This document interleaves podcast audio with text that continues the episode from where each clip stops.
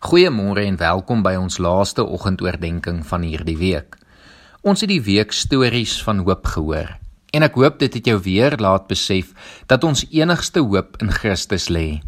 Daarom moet ons glo en moet ons op Hom alleenlik vertrou. Hebreërs 11 vers 1 sê om te glo is om seker te wees van die dinge waarop ons hoop.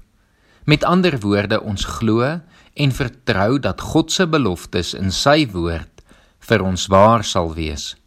Indien ons met hierdie ingesteldheid in geloof met hoop leef, kan ons soos Romeine 5 vers 3 tot 5 sê, ons verheug ons in die swaar kry, want ons weet swaar kry kweek volharding en volharding kweek egtheid van geloof en egtheid van geloof kweek hoop. Met ander woorde, ons hoop en hoe meer ons glo in die hoop hoe meer kweek dit hoop in onsself. En hoor dan wat skryf Paulus.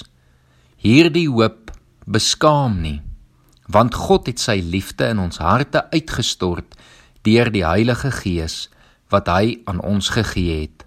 Ons kan in ons eie menslikheid nie hoop nie. Ons kan nie in ons menslikheid in moeilike omstandighede bly glo nie. Maar God het vir ons die Heilige Gees gegee wat dit in ons harte inplant en daarom hoef ons nie moedeloos te raak nie. Maar kan ons met 'n verwagting bly glo en bly hoop want ons het die bron van hoop binne in ons. Daarom skryf Petrus ook in 1 Petrus 1 vers 3 tot 5 dat ons 'n lewendige hoop het, 'n hoop op die onverganklike onbesmette en onverwelklike erfenis wat in die hemel ook vir ons in bewaring gehou word.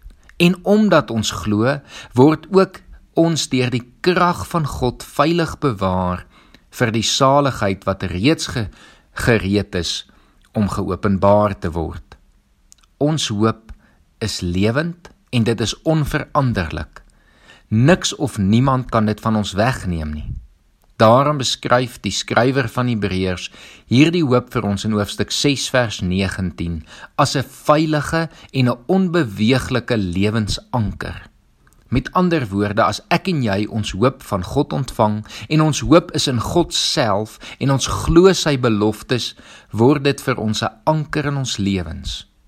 Ek hoop en bid dat elkeen deur hierdie week weer opnuut oortuig geword het om jou hoop in God self te plaas. En ek hoop dit het vir jou standvastigheid gebring wat jy nou in onsekere tye nodig het. Ek sluit die week se oordeenking vir ons af met die volgende seën uit Romeine 15 vers 13.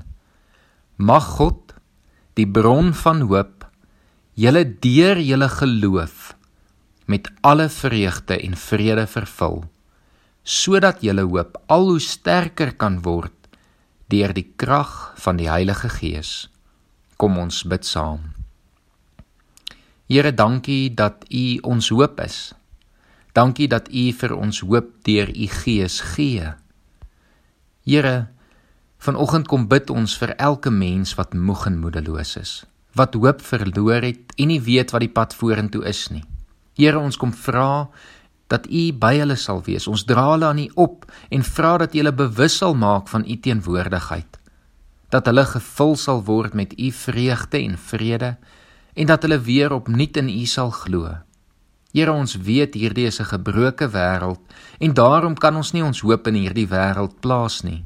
Maar ons plaas ons hoop in u wat die krag en die mag het om saam met ons ook in hierdie wêreld 'n verskil te kan maak en weer hoop verander te kan bring deur u koninkryk 'n werklikheid te maak.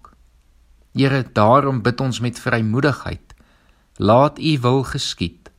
Laat U koninkryk kom en mag dit weer vir alle mense hoop gee. Amen.